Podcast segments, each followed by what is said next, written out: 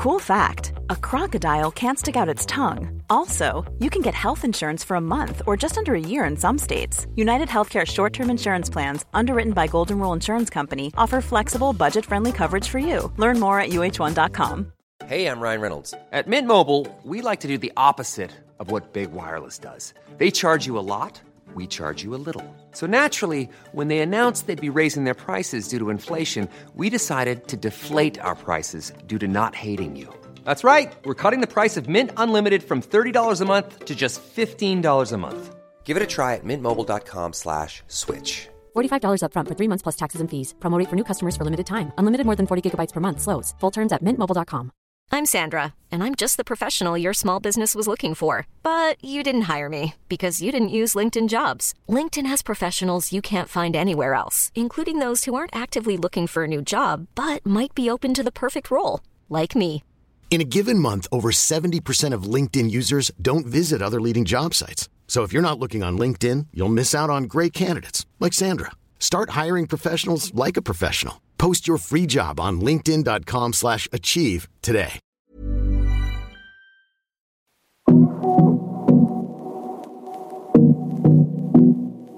Hej! Hoppas du har det fint i denna ljuva sommartid. Det glädjer mig att du väljer att lyssna en stund på Karriärpodden. Vi har ju valt att sända några favoritavsnitt från det senaste året i repris under sommaren.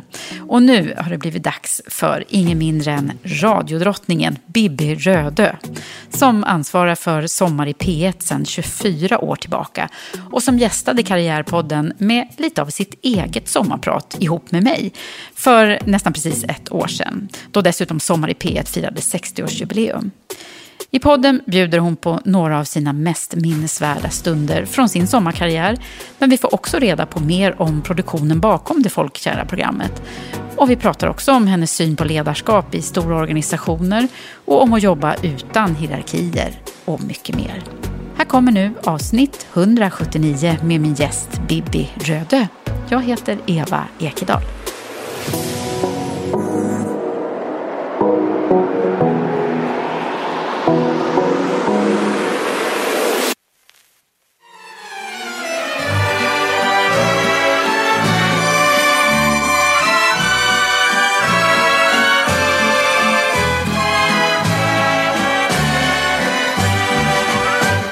Bibi Rödö, välkommen till Karriärpodden. Tack.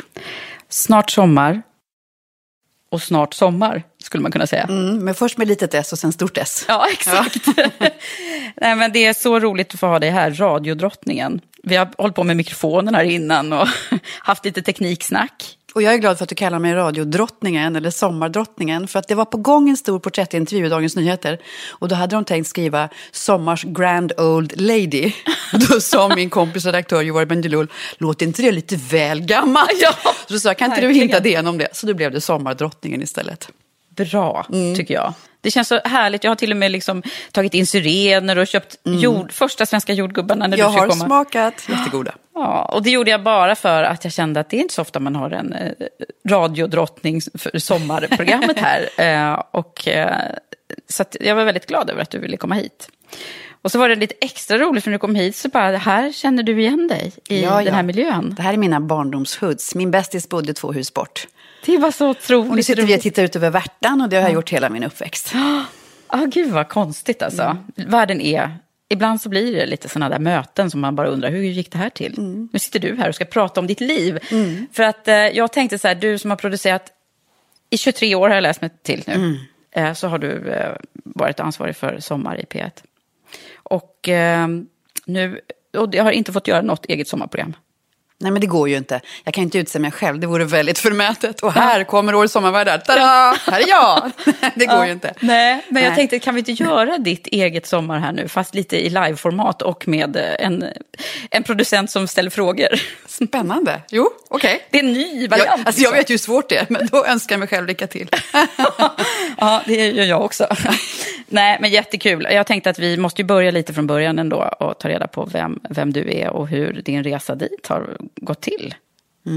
För det är ju det vi gör här i Karriärpodden. Vi forskar lite i hur våra olika vägar eh, och hur olika vägar det kan vara och ändå leda till eh, något mål. Visste du vad du ville hålla på med när du var liten?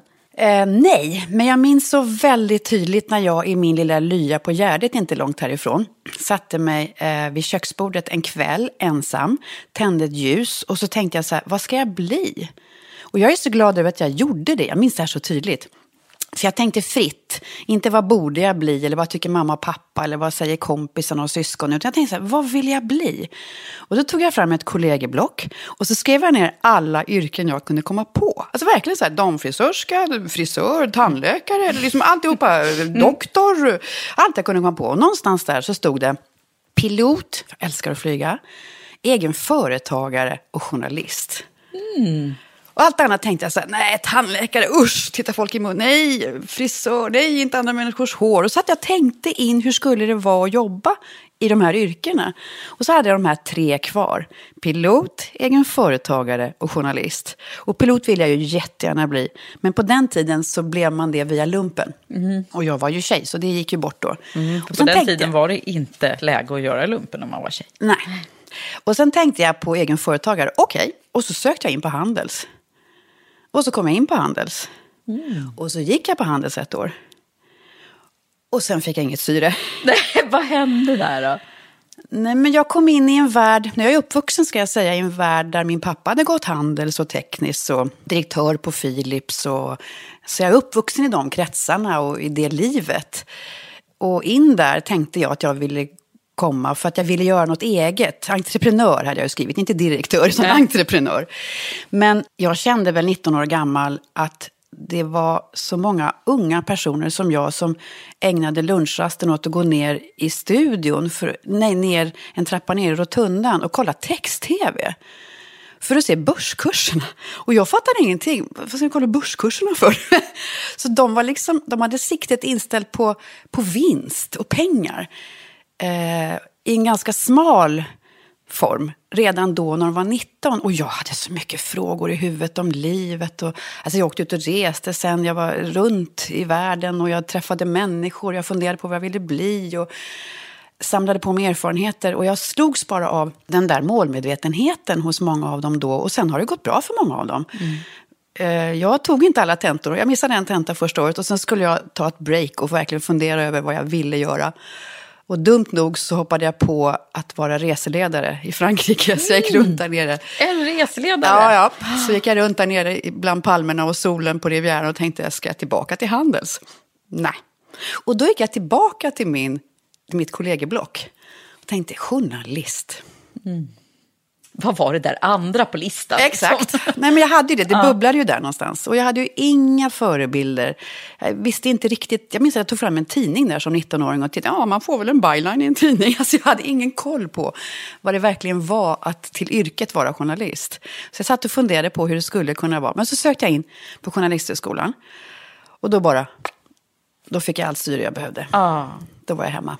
Då var du hemma. Vad var var, det som var eh, hemma för dig då? men det var ju nyfikenheten, det var öppenheten inför livet. Det var en blandning av människor som gick där. Och att man i jobbet, i skolan, fick intervjua personer, ta in, lära sig, vidga sina vyer, eh, förändra sitt tankesätt. Alltså det var så mycket som gav mig så mycket. Det var så positivt och närande direkt. Och det har det varit från dag ett, måste jag säga. Och fortfarande. Jag älskar mitt yrke. Och de första jobben, hur, minns du några episoder från det? Ja, gud ja. Oj, jag minns så mycket. Det har varit så roligt. Jag gjorde min praktik på Radio Stockholm. Eh, och där lärde jag mig mycket. För då var, på den tiden var ju Radio Stockholm det nya. Eh, jämfört med Riksradion som var lite mer gammaldags. Så där lärde jag mig hemskt mycket. Eh, sen in på Sveriges Radio. Nej, men jag har varit med om så mycket och det har varit så roligt. Du, du liksom känner alla radioprofiler och eh, har jobbat med, ihop med Ja. de flesta som vi Ja, oh ja. känner igen också. Ja, oh ja. Eh, jag har gjort tv, jag har gjort radio. Jag har varit mycket länge på Sveriges Radio. Det är en underbar arbetsplats att vara på. Hur gick det till då? Ska vi ta det här med liksom hur du hamnade i att jo, nu jobba 23 år med en och samma produktion? Alltså det kunde man ju inte tänka sig att jag skulle vara på ett ställe 23 år. Det var helt otänkbart. Jag jobbade på Studio 1 på Sveriges Radio. Och jag minns att vi hade en eh, stor konferens på Berns med alla våra medarbetare. Och då säger min chef Bengt Linderoth till allihopa. Hörni, jag ska bara säga att eh, jag fick frågan från P1-chefen Yvonne Winblad om vi skulle kunna tänka oss att ta över Sommar till då samhällsreaktionen som jag tillhörde från kulturreaktionen. Och jag har inte rådfrågat någon, men jag har sagt ja. Och då var det så roligt för alla de här seriösa samhällsjournalisterna. Björn Elmbrand, Kristin Göte, allihopa. Alla bara ja, ska jag kalla. För att det är någonting med sommar, det är så lustfyllt. Så att folk välkomnade det där. Och sen fick jag frågan då av Bengt, min chef, och Yvonne Winblad, P1-chefen, om jag kunde ta över. Och då var jag 30 någonting, tre små barn. Och så sa jag ja, ja. Men han ju inte, eller, tänkte ju inte efter så där förnuftigt. Om jag, utan jag bara sa ja. Lustfylld ja. Och sen kastade jag mig Det är ju ett av de tipsen som, som vi tror att är det mest vanliga tipset jag får ifrån personer som är med i Karriärpodden. Våga, säg ja. Säg ja. Tänk inte efter, säg Nej, ja. precis. Och det gjorde du Nej, jag gjorde ingen riskanalys, Nej. ingen konsekvensanalys, jag bara sa ja. För att det verkar kul, eller? För att det kändes så rätt. Därför att jag fick kombinera, jag är då nyhets och samhällsjournalist i grunden. Ehm, hade jobbat då med alla möjliga intressanta frågeställningar och producerat väldigt många stora sändningar och program. Och det är viktigt och angeläget och bra och på alla sätt och vis. Men, men det är också det är en dimension av det, det är mycket hjärna. Eh, och jag saknade ju mage och hjärta. Och i sommar fick jag kombinera det. Därför att jag använder ju hjärnan jättemycket och det gör ju sommarvärlden också. Men också det personliga. Eh, magen, oh, man känner någonting, man skrattar, man blir vansinnigt glad och man blir jätteledsen. Och man, man är mer nära människor. Men du, det gick inte så bra då? Alltså det var inte så här stora lyssnarsiffror när, ni, när du började? Nej, nu brukar jag alltid säga till sommarvärlden att skryt inte, för skryt är ingen snygg egenskap. Nej, men, du vi kan få göra det lite i Karriärpodden får man göra det. Nej, men jag kan citera Yvonne Winblad som i sina memoarer Mm. just skriver om det här. Att eh, det gick, alltså sommar var inte så uppmärksammats, omtalat. Sommar har alltid varit sommar. Men det hade en dipp där på Mm. 90-talet. Och jag fick ju uppdraget då, 96, att eh, ge det en vitamininjektion. Mm. Att eh, stuva om det lite fint. För jag kom ju då med min samhälls och nyhetsjournalistik in i det. Och inte bara från kultursfären. Men hur eh, tänkte du då? då Nej, men jag tänkte ju inte, på säga. Nej, men jag gick på ryggmärgsreflex och gick igång. Jag fick frågan vinter 96. Och då hade vi 64 värdar. Och jag hade en medarbetare som inte ville jobba med det journalistiska utan kunde hjälpa till med kontrakt och avtal. Och så satte vi snabbt ihop den här namnkommittén, en slags advisory board. Men tänk dig själv, uppdraget fick jag kanske i november, december. Och i maj var presskonferensen och 64 personer skulle bokas in. Och jag var den som, okej, right! Och vilka sändningsdatum? Det var helt hysteriskt. Så att det blev en upplaga då överhuvudtaget. Så du hann inte tänka så mycket i början? Där. Jag körde. Det vore ju väl väldigt kul om den sittande statsministern var med. Japp, där kom han.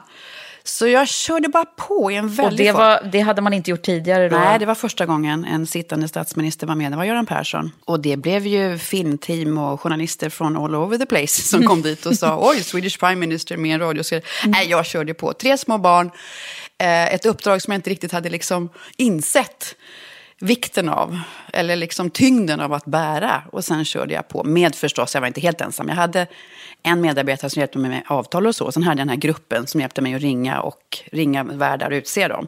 Men det var mina barn som hjälpte till att sätta upp tältet i Radiohusparken. Min dåvarande man hjälpte till med att göra de här ansiktena som vi står med. Ja. Därför att det var, nej, det var så mycket som skulle göras.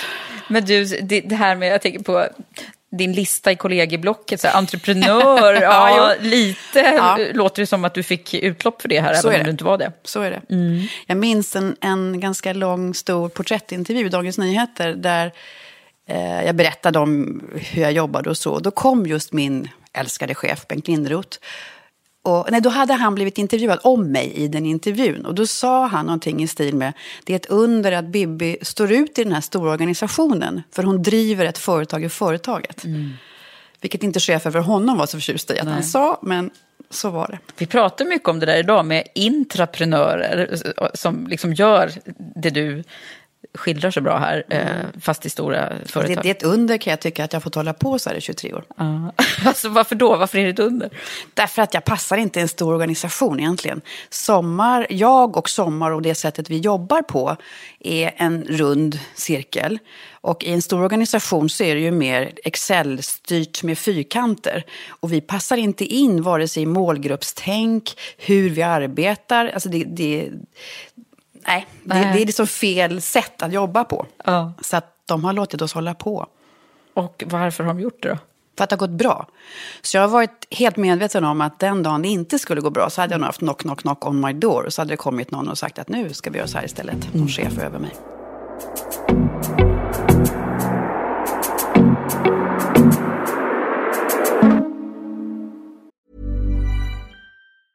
Many of us have those stubborn pounds that seem impossible to lose, no matter how good we eat or how hard we work out. My solution is PlushCare. PlushCare is a leading telehealth provider with doctors who are there for you day and night to partner with you in your weight loss journey. They can prescribe FDA-approved weight loss medications like Wagovi and Zepbound for those who qualify. Plus, they accept most insurance plans. To get started, visit plushcare.com slash weight loss. That's plushcare.com slash weight loss. Hiring for your small business? If you're not looking for professionals on LinkedIn, you're looking in the wrong place. That's like looking for your car keys in a fish tank.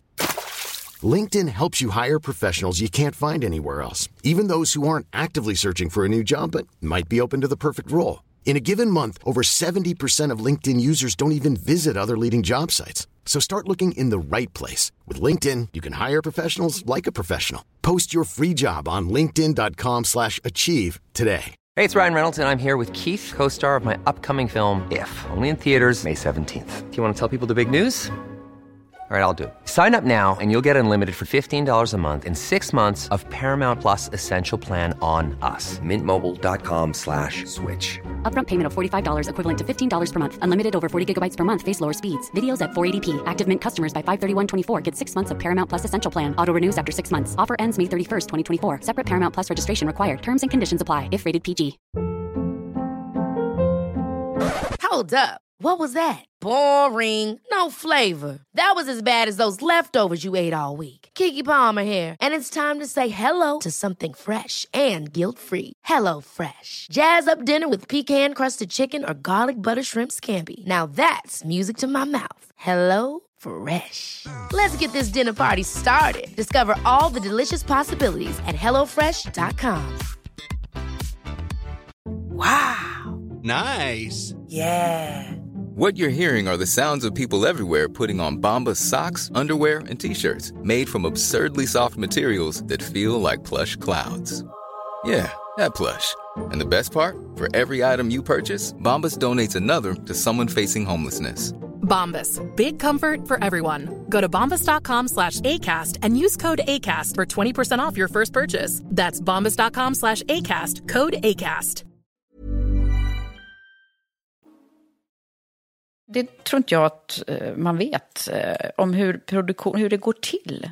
Det är ju då den här namnkommittén som kommer fram till namnen. Ja, och, och hur gör man det då? Nej, men då, det är också väldigt sådär, inte så storbolagslikt. Eh, det är en grupp som eh, rätt ofta träffas hemma hos mig, äter middag, eh, har kul, högt i tak. Spånar. Spånar, högt i tak och väldigt lustfyllt. Vi gillar varandra, vi är inte alltid överens, vi är väldigt olika och vi pucklar på varandra, men så här kärleksfullt. Och har framförallt väldigt, väldigt roligt. För att jag tror inte på det här, nu har vi möten, klockslagen si och så, i konferensrum si och så, och här är powerpointen och nu, sätt igång och var kreativa. Jag tror inte på det. Jag tror inte kreativitet uppstår så. Utan jag tror att det uppstår i att man sitter ett bra gäng och spånar.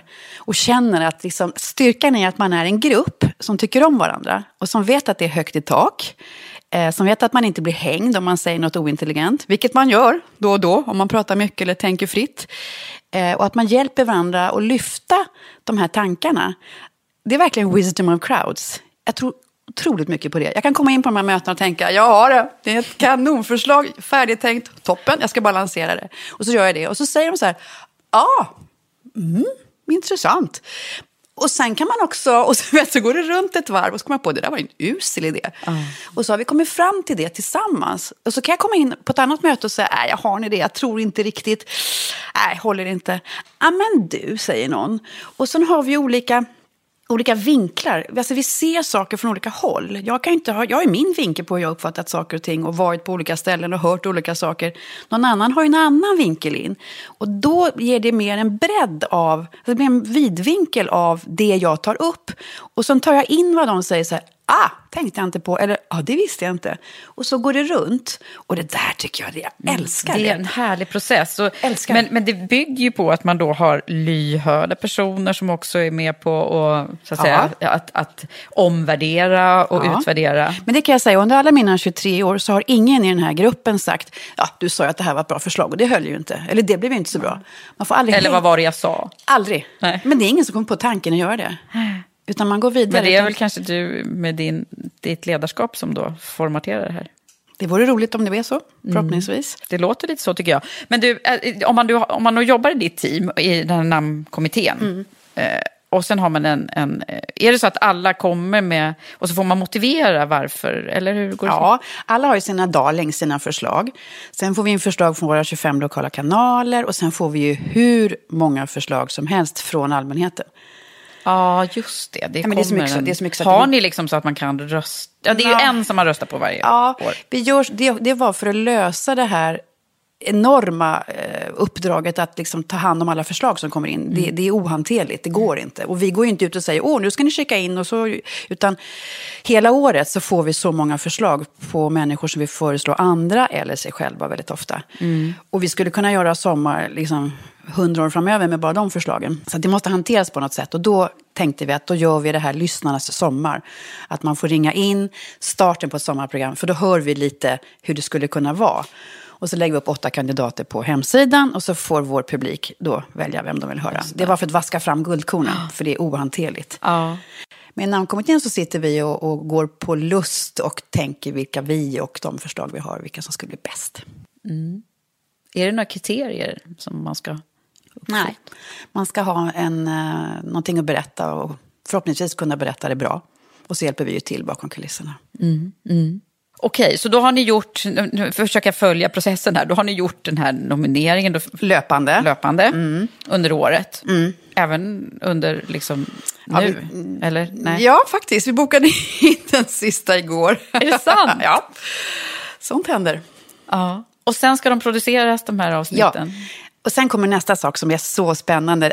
Väldigt mycket i mitt jobb är att känna efter vad det är för slags människor vi håller på med hela tiden. Jag går så ofta till hur jag själv skulle vilja bli bemött, vad jag själv skulle behöva, vilken typ av människa det här är. Och så går man på magkänslan och tänker intuitivt, personkemi. För då gäller det att hitta en producent till Sommarvärden. Och det ska ju vara någon som, som jobbar bra ihop. Ja, så det matchar ni? Ja, ibland kommer de i par. Anja Persson kommer hand i hand med Henrik Jonsson. Och hej, vi, har en, vi skulle vilja göra ett program och vi skulle vilja berätta om det här. okej. Och då känner de varandra från början. Eh, och vi känner dem och så går allting runt. Men, men eh, annars försöker vi hitta, alltså, vem skulle den här personen må bra av att jobba med? Och det ska ju vara någon som tycker om världen, som vill gå all in för att göra det bästa programmet på jorden. Eh, som ska finnas där som ett stöd när det känns känsligt att göra programmet. Eh, så de ska bli ett radarpar. Och det är en av nycklarna till Sommars framgång. Och jag skulle vilja vara producent till någon. Mm. Nu ska inte jag söka jobb hos dig, men det är lite, det är lite roligt. Vi, vi pratade här innan också om, att lite paralleller kan vi dra till eh, det här med att vi ofta får frågan också, vilket är ditt favoritavsnitt? brukar jag få och det antar jag att du får ganska många gånger. Väldigt ofta. Och det känns lite som att barnen kommer fram med sina teckningar och säger mamma, titta. Och så säger jag, den där var finast. Ja, eller hur? Det Nej, går, men det går liksom inte. Nej, det går inte därför att, därför att världarna, i princip alla världar går ju in med själ och hjärta i det här. Och insatsen är deras livsberättelser. Så det går ju inte att gömma sig bakom ett visitkort eller en titel, utan det är dem. Och ofta känner de sig väldigt nakna. Och det är deras liv de berättar om. Så att om någon då efteråt säger, ah, tråkigt program, va? Är mitt liv tråkigt? Det blir så väldigt sårbart och nära. Så att, eh, Nej, jag gillar inte det. Vi har ju några program som man kan säga har varit prisbelönta eller, eller väldigt stora, det har hänt saker, eller jag har jobbat på ett speciellt sätt med. Men alltså, det finns så många som är så fantastiskt bra tycker jag. Ja, och det, hur många avsnitt är det? Det är 58 varje sommar. Ja, så det blir, Så det blir en del. en faslig massa. Mm. Du räknar inte så här som jag, som är inne på 146 nu. Liksom. Jo, men jag har glömt siffran för jag är sifferblind. Men 23 år i alla fall en siffra. Ja.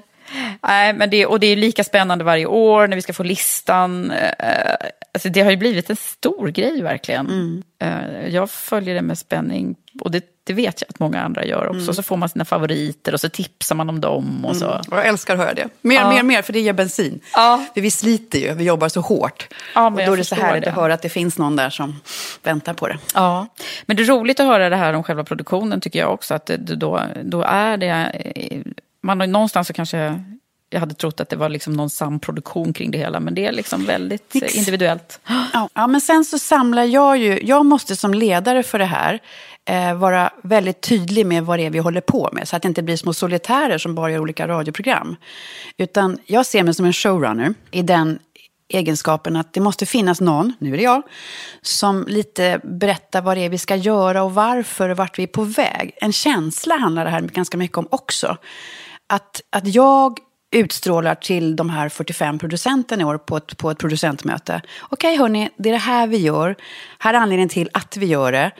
Eh, våra ledord, nu talar vi inte så mycket om ledord, men det liksom finns i luften hela tiden. Det ska vara varmt, det ska vara vänligt, gärna humoristiskt, ärligt. Alltså de här, de bara finns där i hur vi resonerar kring hur vi väljer världar och hur vi jobbar med dem sen. Och när producenterna då får dem, liksom, det är inte direktiv, det är inte så vi jobbar, men man får en känsla av vad vi håller på med allihopa. Eh, det, här, det här står vi för. Och då sätter de igång och jobbar med respektive program. Och då smittar det av sig på världen i fråga. Okej, det är inte läge att skryta och sitta och ha en fasad och hålla på. Utan äh, men det är väl läge att vara ärlig här och berätta vem man faktiskt är. Ehm, och tänka efter, jag har svarat tusen gånger på samma frågor. Men den här frågan har jag aldrig fått. Men berätta om den då. Och att producenten också är där och säger, men du, det är så bra om man kommer överens i förväg. Så här, vad är det för program du vill göra? Jo, men jag vill att det ska vara upplysande, det ska vara humoristiskt eller vad det ska vara. Okej, vad är det för program du inte vill göra? Nej, men jag vill ju inte skryta och jag vill inte vara tråkig eller så. Bra, då sätter man igång och jobbar utifrån det. Och då kan producenten säga, men du, nu är vi lite tråkiga va? Utan att det blir en kritik mot personen. Eller, hoppsan, skryter vi kanske lite där. Eh, Jag hade en produktion med Anders Wall, den stora näringslivsprofilen, som producerades av vår förra vd Kerstin Brunberg. Och det här är ingen hemlighet, för han har berättat det själv. Annars är jag väldigt mån om att inte berätta vad vi gör bakom kulisserna. Men då hade han fått tillbaka sitt manus, där det var små röda anteckningar i marginalen där det stod stryk, skryt. Att det var fullt av dem. Så jag fick göra om, sa Anders. Men det är för att de hade kommit överens om, och han berättade sin historia. Och sen är det hur man gör det, för den är ju fantastisk. Från ja, två tomma händer och vad han har uträttat och vad han sen gör med sina pengar och sin framgång idag som är fantastiskt fint. Men producenten och han hade liksom det eller han hade det ögat på honom. Och sen blev historien eh, helt fantastisk. Han fick 6400 brev efteråt. Det är så häftigt när, när, eh, när folk vågar visa sig nakna som du säger. Det, det, jag har ju också, försöker ju liksom att få den här känslan i, i podden här. Och det är inte alltid det lyckas. Eh, för att de, jag har ju nästan uteslutande näringslivspersoner som, som eh, också är väldigt måna om att det ska liksom bli bra för företaget de jobbar på. Och, sådär. Och det är, en, det är en liten klurighet det där. För att oftast så är ju de som sitter i den stolen du sitter nu också väldigt intresserade av att, eh, eller väldigt ovana i att prata om sig själva, men väldigt vana i att prata om sina organisationer och ledarskap och så. Alltså jag skulle vilja dra det ett steg längre, och nu är jag lite hård kanske. Men jag tycker att, jag som har folk från olika sfärer hela tiden, sport, eh, akademiker, eh, näringsliv, eh, kultur, alla möjliga olika sfärer. Jag ser ju då att näringsliv är i en division för sig. Och jag, nu låter det fräckt, men jag slås av att de är de mest oprocessade av allihopa. Att de är så otroligt framgångsrika på det de gör. För ofta är det de man då på något sätt närmar sig för att de har gjort saker som har varit fantastiska. Eh, men de är så, och framförallt entreprenörer, mm, ganska bra. Men framförallt storbolag, finans ska vi inte tala om. I vissa sfärer där man bara är, inriktad på nästa bokslut, att det ska bli ännu mer vinst och klapp på axeln och börskurs. Ehm, de, där slår det mig, är så här, eh, eh, jag själv, vänta nu. Och då har de inte tänkt efter. Jag fattar inte hur man kan leva sina liv så. De har inte stannat upp, vilket man gör när man får frågan om jag gör sommar. Okej, okay, då är jag här idag, nu ska jag ha ett program, vad ska det handla om? För det är så fritt. Och då hamnar man ju i det här, oj, vad har jag gjort hittills i livet? Vad är jag idag? Vem är jag? Vad vill jag framåt? Mm. Så de tvingas stanna upp och inleder den här processen. Och för många så har de inte gjort det tidigare och det slås jag. Men hur kan man vara en framgångsrik vad ska vi säga, finansman, 57 år gammal, som får otroligt mycket ryggdunk och är omslagspojke på Dagens Industri eller vad det kan vara, utan att man har tagit in livet. Mm. Och det blir så hos oss att de måste göra det. Mm. Och då, då ryggar de ju inför det, mm. ofta. Eller säger ja och hamnar då i den här processen och är helt omtumlade. Och det är ju så fint, för då mm. blir det så här, och vi gör ju varsamt. Vi, det är, det är, vi, man ska ju inte liksom sätta igång allt på en gång, för det kan man inte göra. Men att de reflekterar och vågar ta det här steget och visa vilka de är. Och det här, det här är nästan min... Det är din mission. Äh, men jag känner... Och den delar vi lite du och jag måste jag säga. För jag känner ju precis likadant när jag... När jag alltså det, det är de gångerna som det verkligen liksom... Eh, har blivit också mycket ringa på vattnet av mm. Eh, Karriärpoddens avsnitt så är det ju när det har, alltså när vi nästan har suttit och gråtit både jag och min gäst. Mm. När man, eller när man liksom når den här sårbarheten som vi pratar om så mycket idag faktiskt, även i näringslivet. Mm. Sen Brené Brown kom med sin, eh, om du inte har sett den på Netflix så gör det, den är så bra tycker jag. Och hon pratar ju verkligen om att det är först då vi blir liksom synliga som människor. Ja, men de måste visa vilka de är. Mm. Alltså, varför ska jag tycka att det du sysslar med är viktigt? Eh, varför är ditt företag viktigt? Mm. Och visst, man kan säga att nej, men jag är en utbytbar vd. Nej, men du driver ju någonting. Du är också en showrunner. Det måste ju vara så. Jag menar, Ikea, varje gång du kliver in på Ikea så tänker Ingvar Kamprad. Mm. entreprenörerna är mycket bättre på det, för de drivs av någonting, startar ett bolag. Men jag skulle vilja se mer av det. Och ja. jag kan slås av hur oreflekterade många är och att de tror att det personliga är det privata. Och det är ju inte samma sak. De behöver inte vara privata och lämna ut för mycket. Men de kan vara personliga, de kan vara människor. Eh, och nu Bibi, ska du få vara eh, riktigt personlig och eh, titta på dig själv lite, tänker jag. Och då tänker jag att jag ställer en fråga som handlar om ditt jobb. Nämligen, eftersom vi har de här, avsnitt, de här fantastiska avsnitten, är det något avsnitt som har påverkat dig personligen? Eh, ett jag får i huvudet nu är när jag ringer Mustafa Jan som då var utrikeskorrespondent, frilans för Aftonbladet i Erbil i Irak inför krigsutbrottet. Och det här är väl 2003, va, tror jag? 2005? Ja. Um, och jag vet att jag tänker att jag ska ringa honom, men det är kanske inte bästa läget eftersom han var ute i det jobbet han gjorde. Och så får jag tag på honom och så, så har jag mitt lite, jag är en glad person, jag är lite så här, hej hej, när jag ringer. Och han har ju berättat om det här efteråt, det surrealistiska är att han står där liksom nära fronten och ser, ser krigets fasor komma och är kurd själv och, och, engagerad i de här frågorna. Och så ringer jag och säger, hej Mustafa, det här är Bibi Röde på Sveriges Radio. Jag tänkte, skulle du vilja vara sommarvärd i sommar? och då blir det helt tyst. Jag tänkte, det här landade inte toppenbra, hann jag tänka. Och så sa han bara, får jag ringa dig? Ja, japp. ja, så la vi på. Och då ringer han mig sen igen då, när han har samlat sig lite och han tackar ja. Men för honom blev det då en, en check, som man säger, röst från Sverige där han då såg ett rött torp ute på landet vid en liten sjö och sommar, sommar. så det blev så här, det är inte möjligt. Så han skrattar åt det här, den här klaschen vi hade från början. Liksom, människan är inte klok, tänkte han. Sen blev vi vänner efter det och hans program blev magiskt. Mm. Eh, och det blev ett väldigt, en väldigt rolig start på något som faktiskt blev en vänskap sen. Som mm. vi båda skrattar åt. Är det något eh, program som har varit extra svårt? Mm. för dig personligen? Eller, jag kommer ihåg när jag hade en svår period i mitt liv med barnen. Eh, jag var ensam med tre barn, jag jobbade mycket. Och ekonomin var minst sagt skral med den lilla journalistlönen som skulle försörja allt och alla. Eh, och då bokade jag in Nan Annan, som då var gift med Kofi Annan, som var generalsekreterare för FN. Mm. Och då sa hon, då vill jag ha dig som producent. Och jag tänkte, oh, hur ska det här gå med allt jobb och barn och så. Men så var det morfar, direktören som då, vi bodde här tillsammans på Lidingö tidigare, som sa, jag kan ta hand om barnen. Eh, och då, så plötsligt och fort gick det, så fick jag tag på en biljett till mig och en biljett till min son som då gick i femte klass. En ungdomsbiljett. Och swish åkte vi över till New York. Och det var så fint, därför att Kofi och Nan Annan eh, tog emot oss så väl och visste lite om min historia. Så att de, de var, så, var så varma. Och då hade vi suttit hemma vid köksbordet och min son hade sagt så här, mamma, det vore så kul att komma iväg någonstans och, och prata engelska, för det hade han lärt sig i skolan. Och jag svarade, ja men det vore jättekul, det ska vi göra någon gång, men det fanns ju inte på kartan att jag hade råd med det. Och sen dök det här upp och 2,50 till en ungdomsbiljett, det hade jag ju. Så den första han då pratade engelska med, det var Kofi Annan. Oh my god, vilken story. Ja, så blev Den det. har han med sig. Ja, precis. Ja, så eh, det, det liksom hände saker när du hade det tufft som ändå blev en positiv Ja. Eh, effekt av det. Ja. Vad är det annars när man tittar på din karriär, om vi ska liksom dra det lite bort från avsnitten och sådär. Som, eh, vi, eh, vi pratar ju alltid om toppar och dalar här i Karriärpodden. Ska vi gå på topparna först?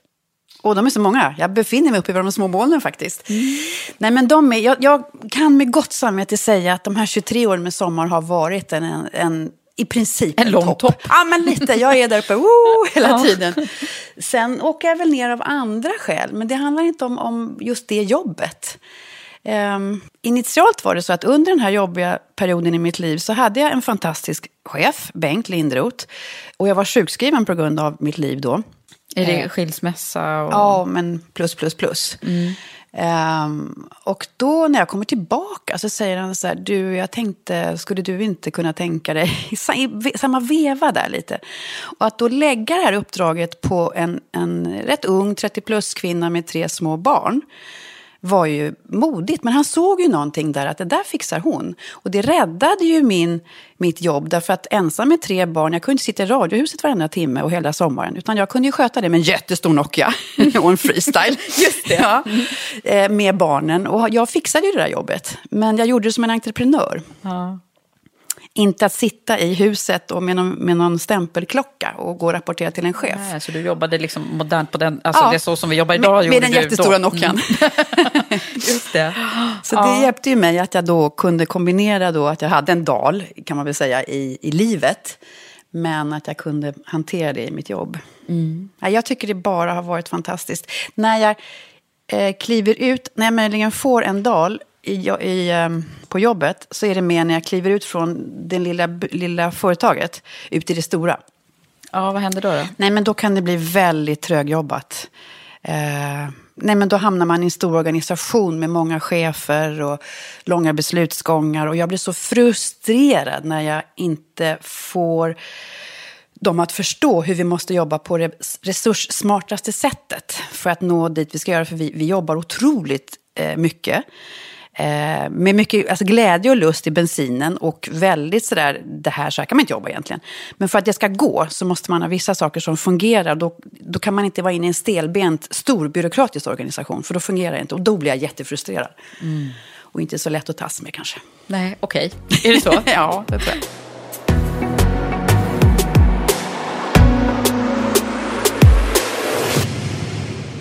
Vad tror du, eh, om man tittar lite längre tillbaka, kanske hamnar här ute på Lidingö, där du är uppvuxen visar det sig, bara några hus bort därifrån.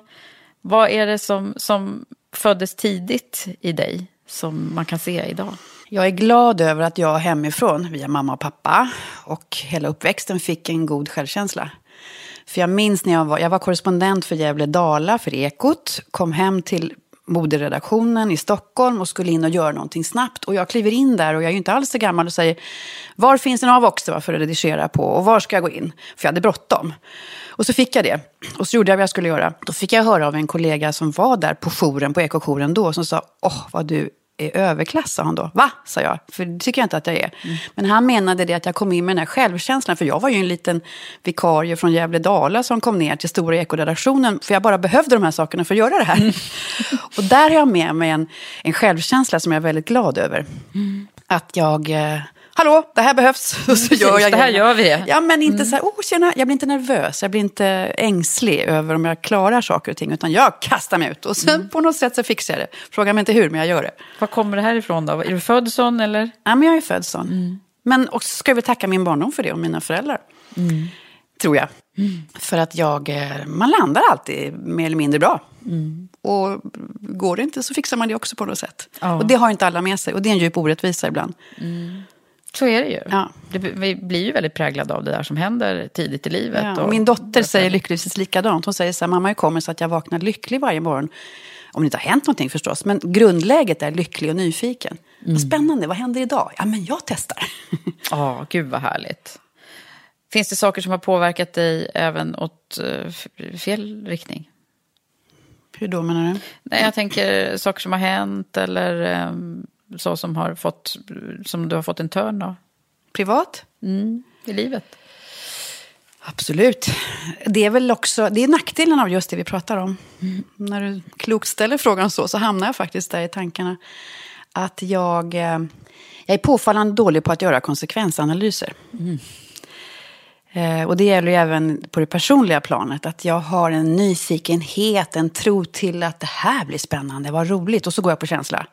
Och det har jag väl gjort i mitt privata liv för inte så länge sedan nu. Att jag um, tror stenhårt på något. Jag hamnar i någonting som känns bara så rätt, som är bara så rätt. Och sen när, när jag av olika skäl då uh, får ett abrupt slut.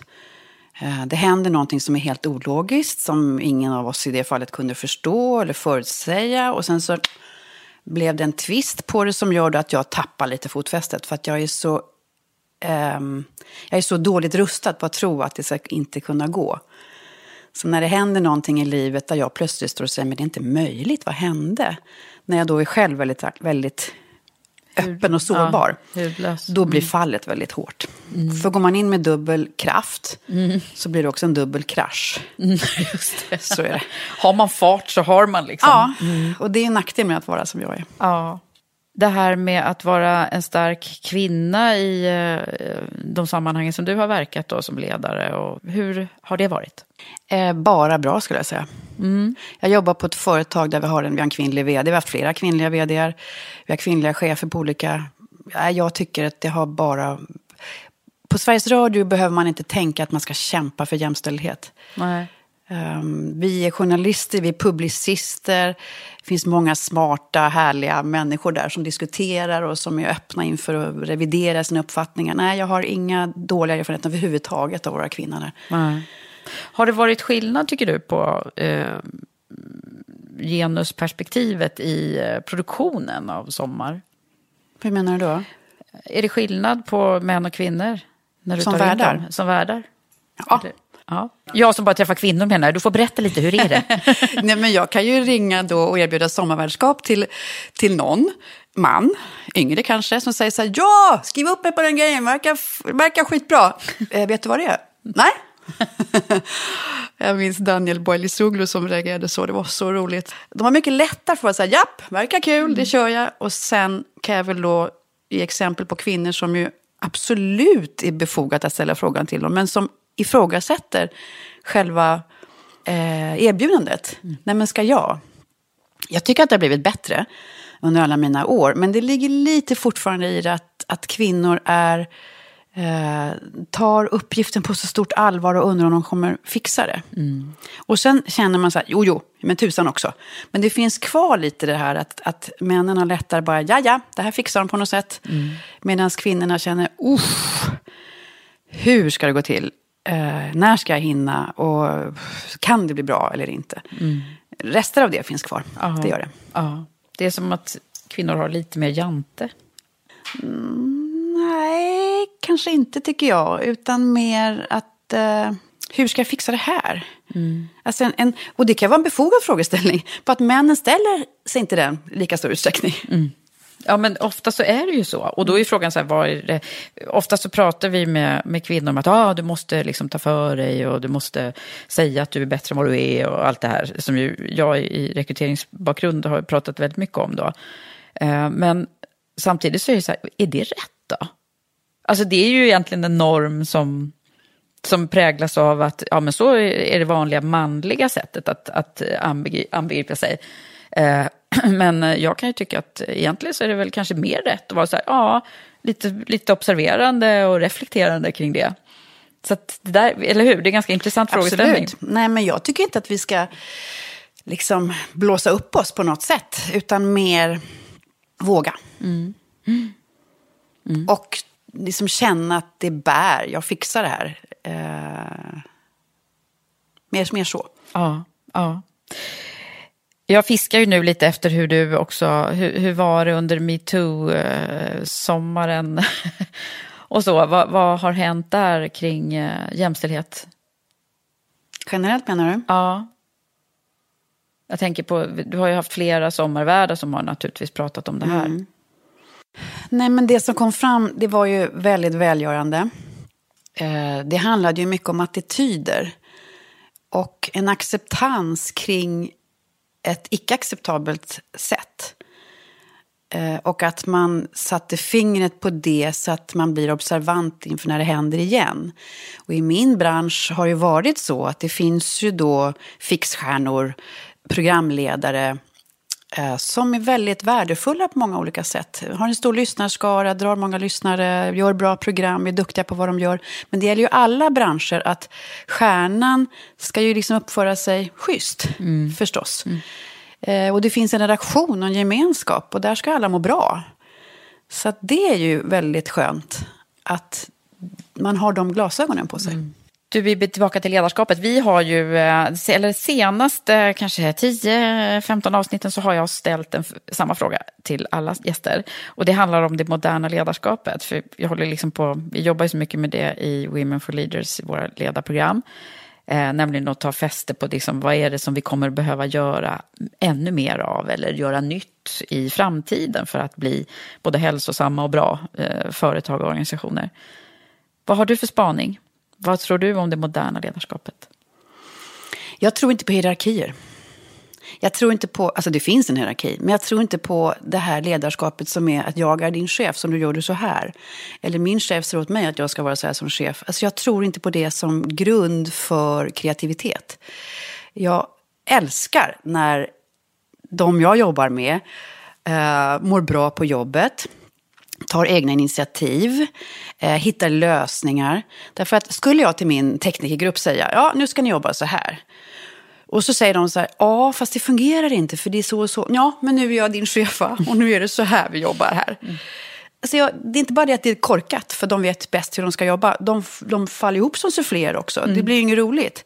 Så att det är så mycket roligare att jag som chef gör en ram. Här är ramen. Ni kan inte gå utanför den, för då vare sig ekonomiskt eller publicistiskt eller så. Här, här är ramen. Men sen färglägger ni precis hur ni vill. Och det handlar om vad programmen ska innehålla, hur producenterna jobbar, hur teknikerna bäst jobbar, hur alla, hur vi jobbar bäst. Men sen delegerar jag det friskt till respektive expert på respektive område. Mm. De stämmer av med mig och sen är de helt fria. De går och kommer som de vill. Eh, de löser det på det sättet de vill. De kommer in till mig jätteofta så här, kliar sig hårt. Äh, gör vi här då? Ja, men gör vi så här. Men annars så gör, de fixar det själva. Det är liksom små företag i mitt lilla företag. Och jag tror inte på det här, äh, jag är din chef så att um, nu gör du så här. Eller om jag sätter ut benet här så snavar du bara så har klart för dig. För att chefskapet i sig ger mig ingen kick i att jag liksom har ett visitkort där det står chef på. Kicken för mig är ju där det kommer in en av mina medarbetare och säger bara, jag löste det! Mm. Eller Äh, du vet, det här uppstod lördag kväll, men jag fixade det. Eller, jag har tänkt på en sak, hur tror du det här fungerar?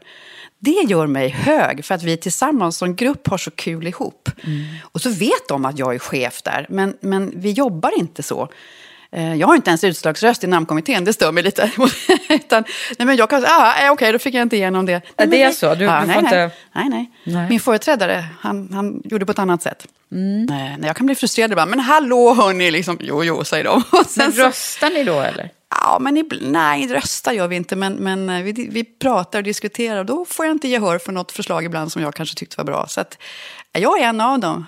Och det är inte någon sån här fånig liksom, tanke om demokrati, utan det blir bäst så. Det blir bäst så, ja. Det bäst och det där så. Eh, ligger säkert mycket i det moderna ledarskapet, att, att hierarkierna, det, det, det pratar många om, så du. Du är nog inne på rätt Okej, spår. vad bra. Det tror jag. du, eh, sen så eh, har jag ett område som jag tycker är så intressant som heter emotioner. Vad är det som får dig att bli riktigt arg?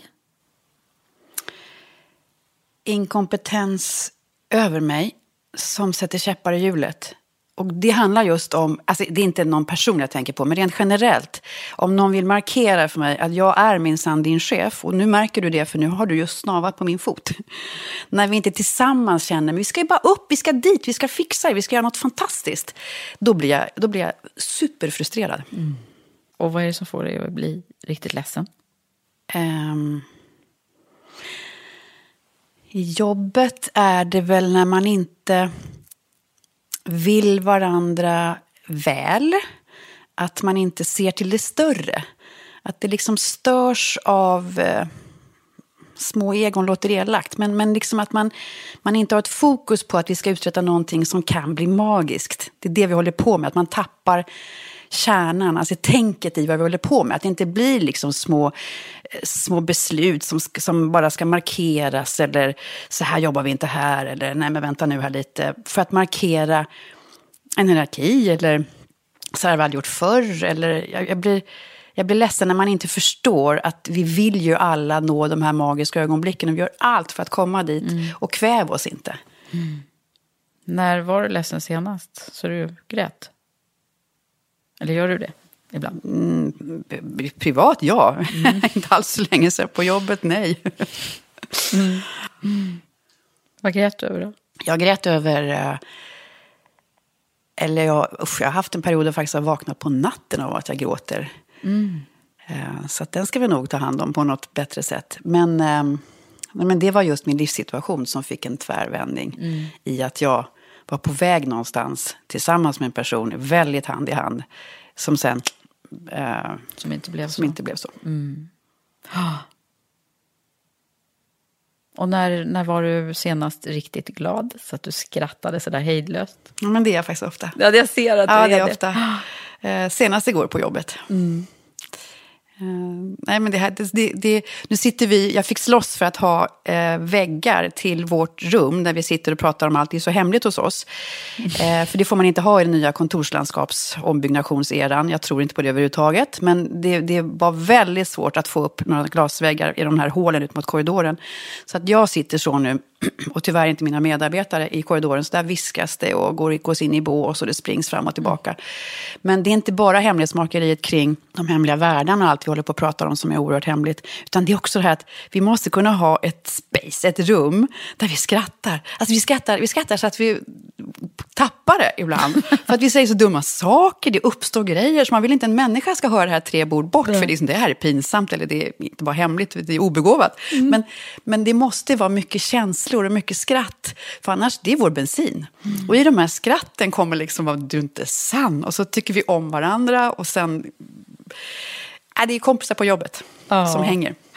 Gud vad härligt det låter där i din...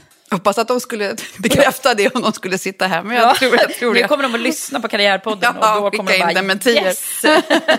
vilken, eh, vilken ledare det är som leder oss fram. Du, du ska också få en fråga av min samarbetspartner Unionen som skickar med en liksom specialfråga eh, vartefter de eh, tycker att eh, vad gästen har med sig. Och då har de gjort den här frågan till dig. Hur tänker du kring mångfald i ditt team och i era program? Eh, jag tänker hela tiden på mångfald i mitt team och i mitt program. Um, når ju inte hela vägen fram, men tänker på det oerhört mycket vad gäller sommarvärdarna. Eh, inte av kvoteringsskäl, utan att det ger oss en annorlunda synvinkel in på sakerna. Och då, alltså mångfald är ju så mycket. Men, men eh, jag älskar ju när Sommar är brobyggare. När, eh, vad ska vi säga, en äldre dam som bor i Avesta. Jag ser henne i ett rött hus vid vägkanten. Lyssnar på en person som har flytt hit. Eh, där hon, ah, det är så det känns, det är så det är. Så blev det med Mustafa Jans sommar. När han pratade om all världens mödrar och hans egen mamma då i synnerhet. Eh, hon är kurd, de hade flytt till Sverige. Och så enorm respons, för nu ska vi backa många år också, i att man fick en insyn i hur det verkligen var och vilka människor det handlar om och vad, hur, vad det sätter igång en människa i en flykt och så. Och att komma till ett nytt land. Och de här brobygg, brobyggandet mellan värdar och lyssnare är helt fantastiskt. Och vice versa. Jag hade Georgios Papandreou som gjorde Sommar, eh, som också har en produktion som ligger mig varmt om hjärtat, som jag själv producerade. Och han fick då frågan och hade lite vagt klart för sig vad det var. Han var då utrikesminister i Grekland och de var ordförandeland i EU, så det var lite trickigt att få direktkontakt med honom. Mm. Anna Lind träffade honom på ett toppmöte och säger, men Georgios, det här måste du göra. Hon var utrikesminister då. Och då började han komma på, ja men det är det här programmet Sommar. Och då inser han att när han var flykting i Sverige på 70-talet så städade han i skolor. Och då var det en stor radiomöbel i skolan där han städade. Så den sätter han på medan han städade, för det var ju tomt där när alla elever och barn hade gått hem. Och så lyssnade han på det här programmet och så sa han, det var så jag förstod mig på folket, människorna i det här landet. Mm. Så att det där är fantastiskt. Mm. För man ska lyssna på varandra, man ska förstå sig på varandra. Alla är vi människor, alla är vi lika och alla har vi olika erfarenheter. Om man ja. lyssnar på varandra så ökar acceptansen på alla sätt och vis. På alla sätt, så det ja. bidrar verkligen. Sen så jag tänker på när du, eh, när du hade Alexandra Pascalido på midsommarafton. Mm. Så blev det lite mm, tänk storm. Va? Det är också ett par år sedan, gudskelov jag på säga, med tanke på reaktionerna. 98 har jag läst mig till. Ja, och mm. hon har skrivit i en bok tror jag, där hon tackade mig för det. Mm. Men, men överhuvudtaget så, tanken då på att den grekiska eh, var sommarvärd på midsommar provocerade en del. Får vi inte ens ha midsommar liksom för oss själva? Det var verkligen så alltså. Men det här är 98, så vi får hoppas att inte det överhuvudtaget kan Nej, hända längre så har vi kommit. Ja, längre så måste vi ha kommit. Mm. Vad är det mer för sådana där äh, som, som har blivit lite storm kring? Det är många. Ja. Eh, och det ska storma runt sommar. Jag säger alltid att vi söker ju inte provokationen för provokationens skull. Det är ingen idé att slicka på fingret och hålla upp det och säga Oho, vart blåser nu ska jag gå åt andra hållet för att få uppmärksamhet. Det är inte, det ska vara ärligt allt det man gör. Ja. Men om man eh, verkligen känner för någonting, tycker någonting, så ska man stå för, säga det. Och sen står vi bakom den personen där det börjar blåsa. Mm. Lena Andersson var så, med hennes mm. program om Jesus. Ah. För hon eh, tog fram sin konfirmationsbibel, eh, läste den källkritiskt, som den person hon är. Och eh, så spelade hon sakral, fantastiskt stark musik emellan. Och det blev en effekt som blev otroligt stark. Ett ifrågasättande av Bibelns ord och Jesus och så den sakrala musiken. Boom, sa det. Eh, där många lyssnare kände sig, de kände att det var en hädelse. Mm. Så det satte igång många, många diskussioner kring religion. Och man kan tro att vi lever i ett väldigt sekulärt samhälle, men det var ett stort engagemang kring det. Är det du som får bemöta den här kritiken? Ja, ja det var det. Absolut. Det var, mm. det var lite hett om öronen där. Annika Östbergs medverkan var också hett om öronen. Ah. Efter 28 år i amerikanskt fängelse eh, så gjorde hon sitt första medieframträdande kan man säga i sommar. Ah. Och det var så hatiskt innan programmet. Mm. Och jag sa till alla som ringde, men, men lyssna. Ring igen sen när du har lyssnat. Mm. Lyssna på programmet, lyssna på henne. För du har ju inte någon aning riktigt om vad det här kommer bli och vem hon är. Och sen efteråt så, så kom det vykort med blommor på och hon blev önskad till eh, vintervärd. Så det är ett tecken på att vi har massa förutfattade meningar. Vi skriker väldigt högt. Vi blir väldigt arga väldigt snabbt. Och sen när man möter den här människan så, jaha. Mm. Så man kan ju hoppas att uh, de här, eh, också med sociala medier nu, jag tänker på liksom den kritiken som är så lätt att bara liksom haspla ur sig. Mm. Men att det ändå folk tar sig tid att lyssna eh, en timme. Ja. Så att det liksom blir eh, just den här förståelsen, jag tror det, det är jätteviktigt. Och där kan man ju säga under min, min tid med sommar så har det ju varit en trend att saker ska inte vara långa. Man talade om snuttifieringen, allt skulle vara kort och allt gick fort. Men så tänkte jag så här, nej, nej, det kan aldrig vara fel att låta en människa tänka efter före, formulera sig, vara ärlig och dela med sig av sina erfarenheter i det längre formatet, för tillvaron är komplex. Å ena sidan och å andra sidan, men jag har landat i det här. Och det är ju så det ser ut, men det är inte så sexigt i en snabb sändning. Men det blir väldigt bra när man har längre tid på sig att få, få med alltihopa.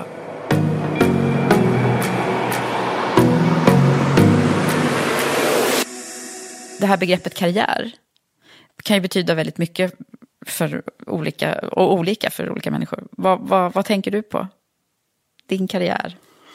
Jag har inte tänkt i termer av karriär överhuvudtaget. Jag har bara vågat. Jag har gjort det jag tycker är roligt. Jag har gått på magkänsla. Jag har varit väldigt eh, uppslukad av mitt jobb. Jag tycker det är så roligt. Och då kan man kanske säga att det är en karriär, vad vet jag. Mm. Men det har inte varit det här, hur ska jag göra karriär, hur ska jag få en hög lön och hur ska jag få ett snyggt visitkort. Det har inte drivit mig alls. Mm. Inte ett dugg. Mm. Därför att jag har eh, stimulerats av mitt jobb. Och jag tror att väljer man en sån karriär så, eh, så blir det bra. Mm. Och alla har en karriär. Det är bara det att begreppet är lite så här riktat till att det ska vara mm. På ett karriäristsätt. Liksom. Mm. På ett visst sätt. Men det är ingen drivkraft för mig i sig. Nej. Och hög lön är ju då inte en drivkraft eftersom jag är på Sveriges Radio. Nej. Ja. Du, om vi ska summera då. Jag har ju bett dig också komma med några så här, dina bästa tips och lärdomar kring eh, vad, vad, vad du, har, vad, vad, du vill skicka med.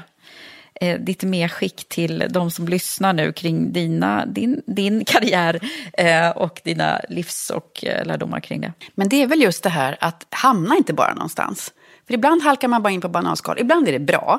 Men, men försök känna efter med mage och hjärta. Så här, är det här jag vill vara? Är det här jag vill syssla med? För ibland antingen kanske man tänker min karriär, det blir bra att gå in där. Eller så tänker man, jo men här blev det ett ledigt jobb, det tar jag. Utan att vara för, jag har ju också gått mycket på känsla. Men alltså, ja, det är väl det jag vill säga. Gå på känsla verkligen. Mm. Uh, är det det här jag verkligen känner att jag vill göra? För det är så lätt att bara hålla på med någonting och så swish så var man mm. liksom 55. Mm. Men stanna upp och, och gå på känsla. Ja, men gå dit där du känner att, du, att det känns bra att vara. Det du, alltså verkligen det du jobbar med ska vara någonting som du känner bara, ah, men idag är det bra. Om du vill köra buss så kör du folk till jobbet och det känns bra. Om du mm. gör radioprogram så känns det som att du förmedlar andra människors tankar till andra. Alltså verkligen tänker på vad det är du gör. Mm. Inte bara allt som ligger runt om jobbet, utan kärnverksamheten i det. Det tror jag man ska ställa sig bra. frågan. Mm. mm. Eh, och sen tror jag att man ska våga i kombination. Ingenting är säkert. Nej, och för man vet ju faktiskt inte innan man har provat heller. Nej, och det mesta fixar sig. Det gjorde det för dig? Ja, typ. på, på allra bästa sätt. Ja. Har du något mer? Eh, men jag tror att man... Så länge du har ett jobb som är positivt och närande så kan det vara ganska tärande i andra vågskålen. Men det är okej okay om du får mycket kraft av det.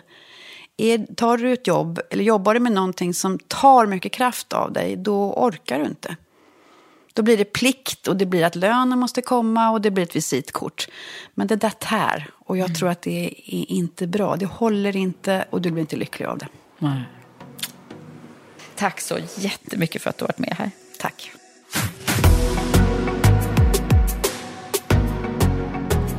Stort tack till dig som har lyssnat på det här reprisavsnittet med Bibi Rödö.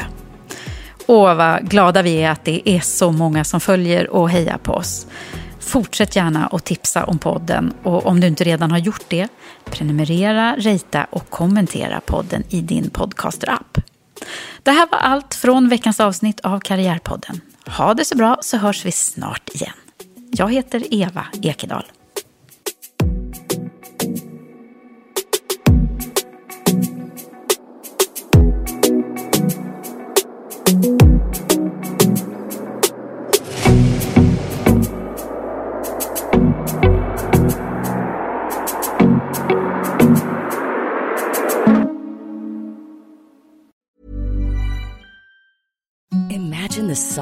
Sheets you've ever felt. Now imagine them getting even softer over time. That's what you'll feel with Bowl and Branch's organic cotton sheets. In a recent customer survey, 96% replied that Bowl and Branch sheets get softer with every wash. Start getting your best night's sleep in these sheets that get softer and softer for years to come. Try their sheets with a 30-night guarantee. Plus, get 15% off your first order at bowlandbranch.com. Code BUTTERY. Exclusions apply. See site for details. Hold up. What was that? Boring. No flavor. That was as bad as those leftovers you ate all week. Kiki Palmer here, and it's time to say hello to something fresh and guilt-free. Hello Fresh. Jazz up dinner with pecan-crusted chicken or garlic butter shrimp scampi. Now that's music to my mouth. Hello Fresh. Let's get this dinner party started. Discover all the delicious possibilities at hellofresh.com. Want truly hydrated skin? Meet Osea's Body Care Breakthrough Hyaluronic Body Serum. It's clinically proven to increase hydration by 161%. It's lightweight, fast absorbing, and delivers 24 hours of hydration for silky smooth skin without any sticky afterfeel.